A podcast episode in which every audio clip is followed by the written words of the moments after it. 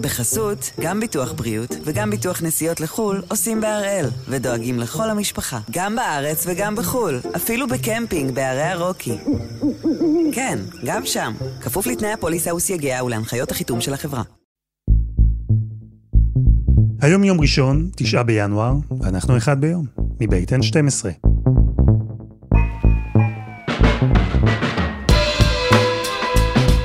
אני אלעד שמחיוף, ואנחנו כאן כדי להבין טוב יותר מה קורה סביבנו, סיפור אחד ביום, כל יום.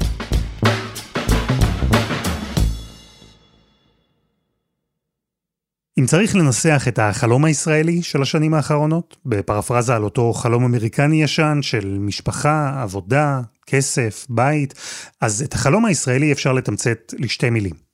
סטארט-אפ, או הייטק, או אם אתם ממש רוצים אפשר גם מילה אחת, אקזיט. היום גם הנפקה הולך. בקיצור, הבנתם. אנחנו אומה שהנרטיב שלה מתעצב היום סביב האנשים הקצת משוגעים האלה, האנשים שהחליטו שהם יכולים לשנות את העולם, אנשים שהקימו חברה מאפס ועשו את זה בענק. וזה בדיוק הסיפור של אליזבת הולמס. היא הקימה חברה שהבטיחה לעשות מהפכה ענקית, לשנות את העולם. היא סחפה אחריה משקיעים, מעריצים, את התקשורת, קראו לה סטיב ג'ובס הבאה, היא הוכתרה כיזמית המיליארדרית הכי צעירה בעולם. זה היה סיפור שעשוי מהחומר שממנו עשויות אגדות, ממש. סיפור שהשפיע על דור שלם של יזמים.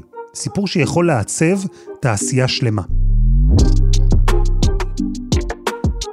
אלא שהשבוע, אליזבת הולמס הורשעה בארבעה סעיפים של הונאה. היא איבדה את הכל, החברה שלה התבררה כבלוף, והיא צפויה לבלות הרבה זמן בכלא. וגם זה סיפור שמשפיע על דור שלם של יזמים. סיפור שיכול לעצב מחדש תעשייה שלמה. אז הפעם אנחנו עם הסיפור של אליזבת הולמס, ובעצם לא מעט עם הסיפור של עולם ההייטק. המסלול של אליזבת הולמס כאילו לקוח ישר מהספר איך להפוך ליזם מצליח. כי היא הלכה בול בתבנית שבה הלכו כל גיבורי מיתולוגיית ההייטק של ימינו. בגיל 18 היא התקבלה ללימודי הנדסת כימיה באוניברסיטת סטנפורד, הלב של סיליקון וואלי בארצות הברית.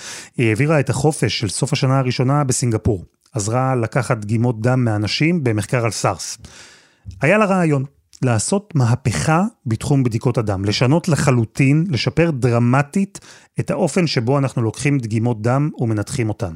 את האופן שבו אנחנו מגלים ומטפלים במחלות. people don't even know that they have a basic human right to be able to get access to information about themselves and their own bodies that can change their lives. Every person should have the ability to get that type of test because... בגיל 19, כמו צוקרברג, גייטס וג'ובס לפניה, היא פרשה מהלימודים והקימה חברה.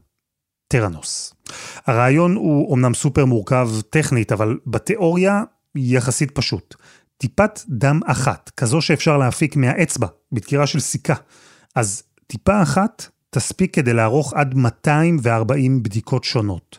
הכל באמצעות טכנולוגיה חדישה וייחודית, ומכשיר קטן ומתוחכם שקיבל את השם המחייב אדיסון. פרופסור דן טרנר, סמנכ"ל מחקר, פיתוח וחדשנות ומנכ"ל מדעית בבית החולים שערי צדק, זוכר טוב טוב את התגובה של עולם הרפואה לחזון ההוא שהציגה הולמס. תדהמה, תדהמה ורעיון פורץ דרך מדהים, טכנולוגיה ויכולות שפותחות צוהר לאין סוף אפשרויות שונות. אני אגיד לך יותר מזה, גם היום, אם תקום חברה שתוכל לתת את היכולות האלה, גם היא תהיה שווה 9 מיליארד דולר והיא תהיה פורצת דרך ותכה בתדהמה את המשקיעים. למה זה כזה big deal? כי נכון להיום, אם אנחנו רוצים אפילו איזושהי בדיקה פשוטה, נניח לבדוק צליאק, אז אנחנו צריכים ללכת למרפאה, שם צריך צוות שלם בשביל לקחת את, הבד... את הבדיקה של הדם, צריך לשלם על המבחנות, אחרי זה לשנע את זה למפ... למעבדה מרכזית, שם צריך אה, מכונות גדולות בשביל לעשות את הבדיקה, ושלושה שבועות אחרי זה, ו-150 דולר, אה, תקבל את התשובה. של הבדיקה שלך. מאידך, אם אתה יכול לקחת טיפה של דם, ללכת לסופרמרקט הקרוב, ושם באיזה מכונה שהיא עומדת בפינה, להכניס טיפה של דם, ללחוץ על כפתור, ובארבעה דולר לקבל את התשובה של הסרולוגיה תוך עשר דקות, זה פשוט משנה מציאות. היכולת שלנו, אני אגיד איזה אלגוריה אני יכול לתת, זה כמו שהיה לנו מחשבים ענקיים בבית, והיכולת למזער את הטכנולוגיה הזאת לכל אחד שיש לו את הסמארטפון בכף היד שלו, ותראו איזה, איזה עולמות חדשים זה פתח לנו, באותה דרך טכנולוגיה כזאת יכולה לפתוח לנו עולמות חדשים ברפואה שלא היו קיימים לפני כן, או שהיו קיימים, אבל הם מסורבלים, הם יקרים והם מורכבים לביצוע. כלומר, את מה שסטיב ג'ובס עשה לטלפונים הניידים, אז את זה אליזבת הולמס הבטיחה לעשות לבדיקות הדם. A healthcare pioneer is being compared to visionaries like Bill Gates and Steve Jobs. This morning, Elizabeth Holmes is part of the new Time 100 list just out. לקחת מנגנון מסורבל, מורכב, יקר, ולהפוך אותו לנגיש לכולם. לפשוט, לזול, לחסר מאמץ. במקום כמויות גדולות של דם במבחנות, שאחר כך צריך להעביר במכונות גדולות ויקרות, השיטה שלה תיקח כמה טיפות, תחלק אותן בתוך מבחנה קטנה, תדלל את הדם כדי להגדיל את הנפח שלו, ובעזרת האדיסון שלה תבצע את אותן בדיקות, מסוכרת ועד סרטן, הכל במקביל.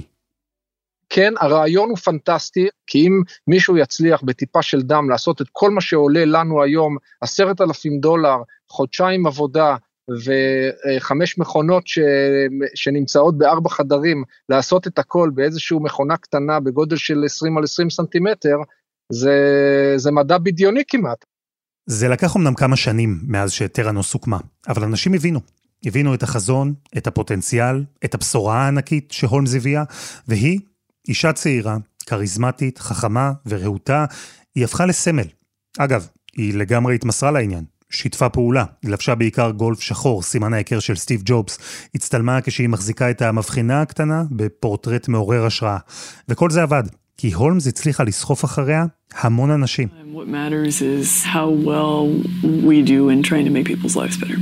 That's, that's why I'm doing this, that's why I work the way that I work, and that's why I love what I'm doing so much. היא גייסה לחברה כמה מהשמות הכי גדולים בפוליטיקה האמריקנית. שרי החוץ לשעבר, ג'ורג' שולץ והנרי קיסינג'ר, הם ישבו בדירקטוריון, איתם וויליאם פרי, שר ההגנה לשעבר, זו ממש, אבל ממש רק רשימה חלקית. והם, השמות הגדולים שבאו אחריה, הביאו אחריהם כסף גדול. ערן ביאלסקי, שותף בקרן ההון סיכון Entrée Capital, הסביר לנו בדיוק עד כמה זה חשוב. זה שיחק תפקיד מכריע. בסופו של דבר, אחד הדברים שאפשר לראות, זה שהיא גייסה המון המון כסף, לא ממשקיעי ביוטק, ולא מאנשים שבאמת באמת מבינים בתחום. אה, והאנשים שהיא הביאה סביבה, כל מיני בורד ממברים שהיו גנרלים כאלה ואחרים, ואם אני לא טועה, The Secretary of State לשעבר של ארה"ב, וזה הכל חלק מלספר סיפור מאוד מרשים, מאוד גדול, להעצים את הקרדיביליטי, את האמינות בעצם של החברה, על ידי זה שאתה מביא אנשים בעלי שם. זה שם המשחק, כן? גם תסתכל על הבורסה הישראלית. חצי מהחברות קנאביס, הצ'רמן זה איזשהו גנרל או טייס לשעבר בחיל האוויר. כי זה נותן קרד, אה, אה, אמינות אל מול המשקיעים המוסדיים שלא מבינים כלום בד... בעולם תוכן הזה. כי ההנחה של אדם אה, סביר זה, תראה, מישהו שבנה קריירה של 40 שנה, לא יסכן את השם הטוב שלו על אה, להיות בורד ממבר במשהו שהוא אה, הוקס. אז קרנות השקעות גדולות, כמה מהאנשים הכי עשירים בעולם, הם רבו על טראנוס, הם רבו על הולמס. הם השקיעו בחברה מאות מיליונים. טראנוס הפכה לחברה ששווה 9 מיליארד דולר, והולמס בעצמה הייתה שווה 4.5 מיליארד. היא הופיעה על השער של פורבס, של מגזין פורצ'ן. היא הייתה רוקסטאר. You founded this company 12 years ago, right? Yeah. Tell them how old you were. I was 19. Yeah. So, don't worry about the future. We're in good hands. It's okay.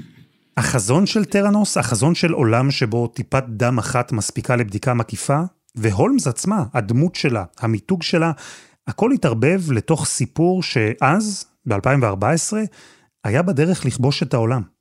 האומנות בתעשייה הזאת היא אומנות של לספר סיפור, היא אומנות ה storytelling. והסיבה היא שזה בסוף מה שמוכר.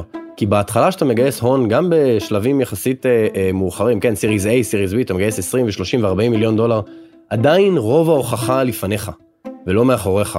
ולכן, אם אתה לא יודע לספר סיפור מאוד מאוד משכנע, ו- ולצייר איזושהי מציאות עתידית, שבה אתה עושה משהו מאוד מאוד גדול, הסיכוי שאתה תקבל מימון הוא נמוך. ואני חושב שהאיפוי שה- של המציאות, או הקווים האלה העדינים, שנחצים, הם קורים כשלפעמים אולי יזמים מתארים את החזון וגורמים למשקיע לחשוב שזה המציאות. אלא שמאחורי הכל, מאחורי החזון, הפטנטים, השערים המחמיאים, מאחורי המיליארדים, מאחורי כל זה, הסתתר סוד ענק. סוד שבסופו של דבר הפיל את הולמס, הישר אל דוכן הנאשמים. אבל קודם, חסות אחת, וממש מיד חוזרים.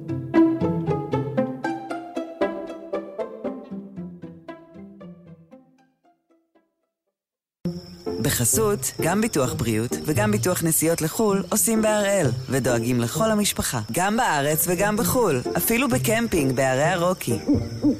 כן, גם שם, כפוף לתנאי הפוליסה וסייגיה ולהנחיות החיתום של החברה.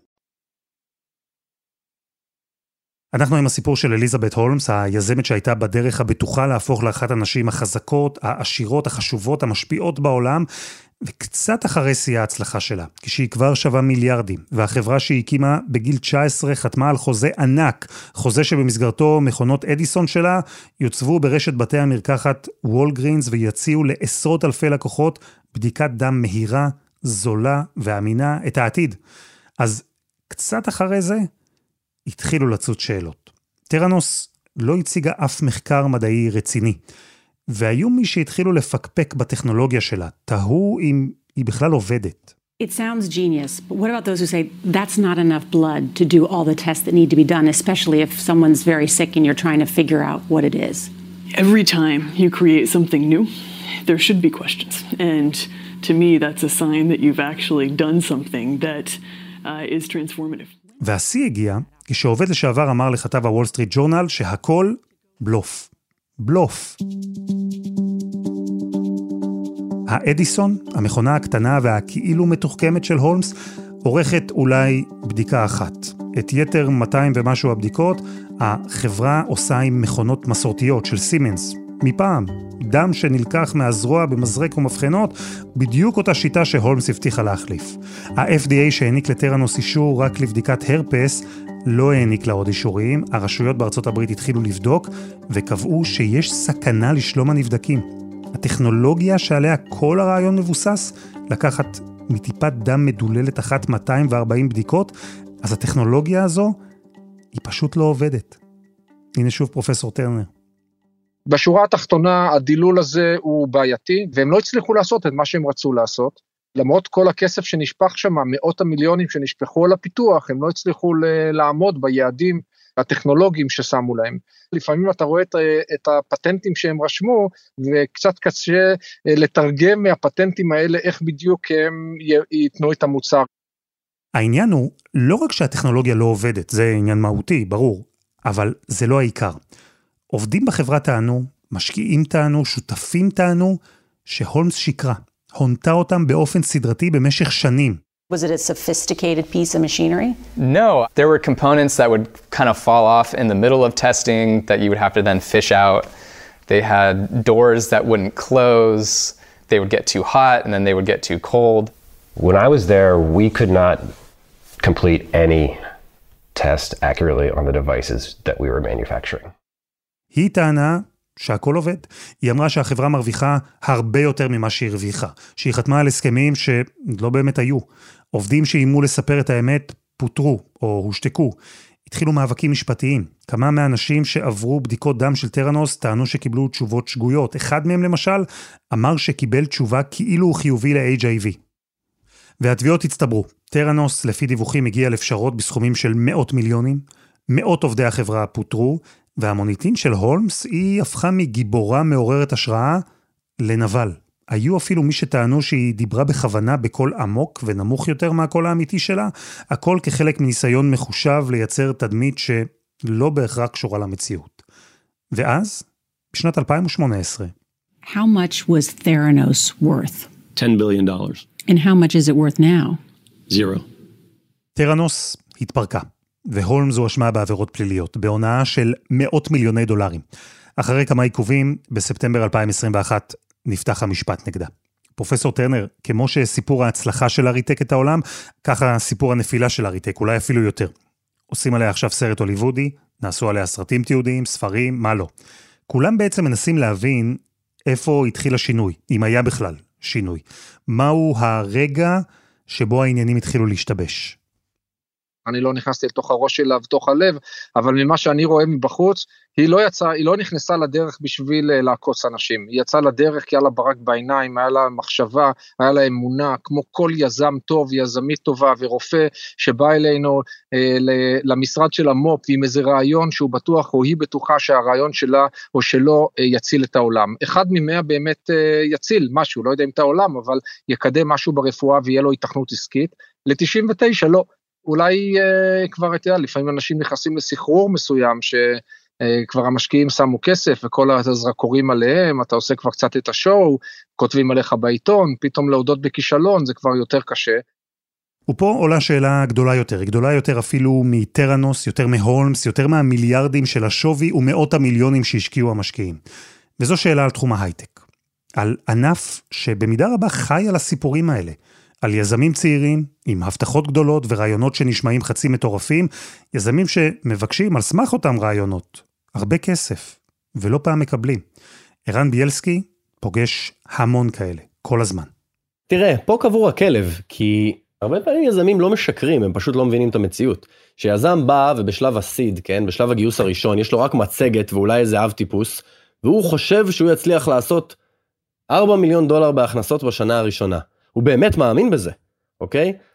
אני בתור משקיע שאולי יותר מנוסה בתחום וראיתי הרבה חברות בעולם תוכן הזה יכול לבוא ולהגיד לו תקשיב אין סיכוי שזה יקרה או לצורך העניין 0.01 מהחברות בעולם מצליחים להגיע ל-4 מיליון דולר רבניו תוך uh, עשרה חודשים. אבל האם זה לשקר? האם זה לייפות את המציאות? אני חושב שיש קו דק אבל דווקא בשלבים היותר מאוחרים הקו הדק נהיה אדום בוהק. כשאתה בא לגייס 100 מיליון דולר עם מוצר ואתה טוען שהוא עובד, והוא לא עובד, פה בעצם אה, יש בעיה. פה אין אה, ייפוי של המציאות, יש פה שקר. זה כבר עובר את הגבול של אה, fake it till you make it, כמו שאומרים בתעשייה, ונכנס לעולם הפרוד וה-blunt אה, אה, lies.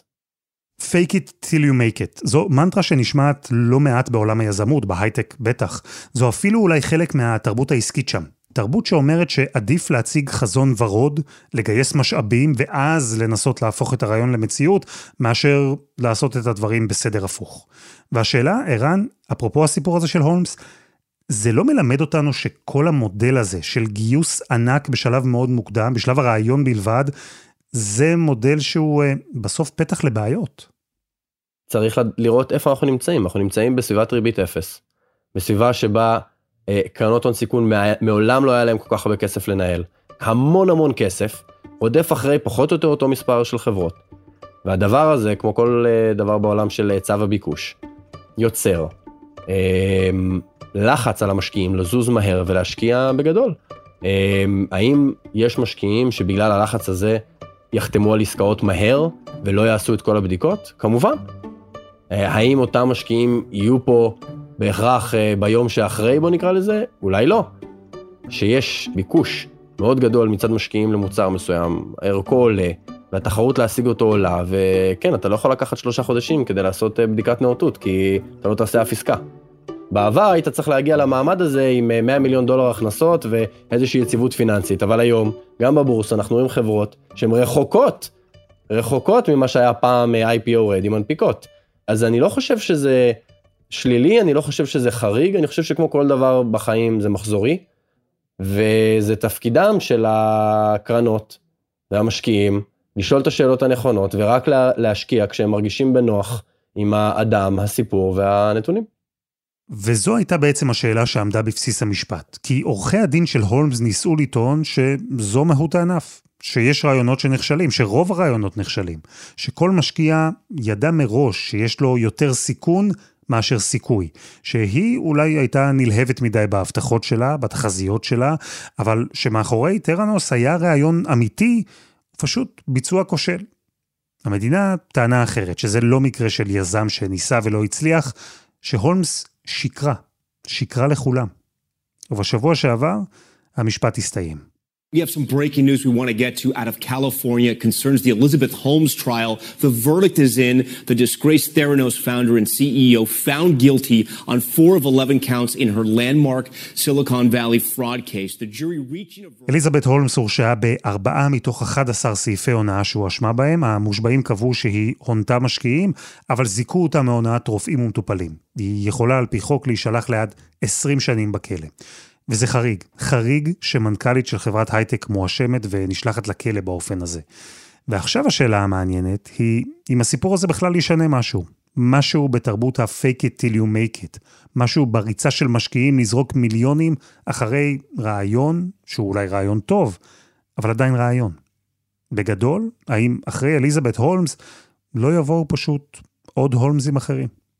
אני חושב שאין משקיע שקרא את uh, bad blood ועקב אחרי הסיפור שלו היום, uh, בטח בביוטק אולי, יותר נשמר ויותר שמרן לגבי חלק מהדברים ורוצה לראות תוצאות. למדו מזה, אני חושב, חושבים על זה, אבל uh, עדיין יקרה וימשיך לקרות וימשיכו ליפול. יש המון המון מקרים של חברות שאני ואתה לעולם לא נדבר עליהם, אוקיי? שהמציאו את דרכם לפסגה על ידי, לא יודע אם זה הונאה או תקוות שווא או חלומות, אבל עובדתית, המוצר שלהם לעולם לא יגיע למדפים. והחברה תיגנז מספרי ההיסטוריה והמשקיעים יאבדו את כל כספם. זה קורה ויקרה.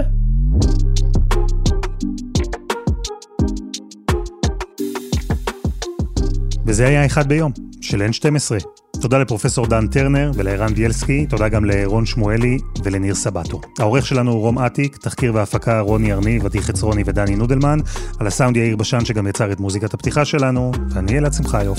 אנחנו נהיה כאן גם מחר.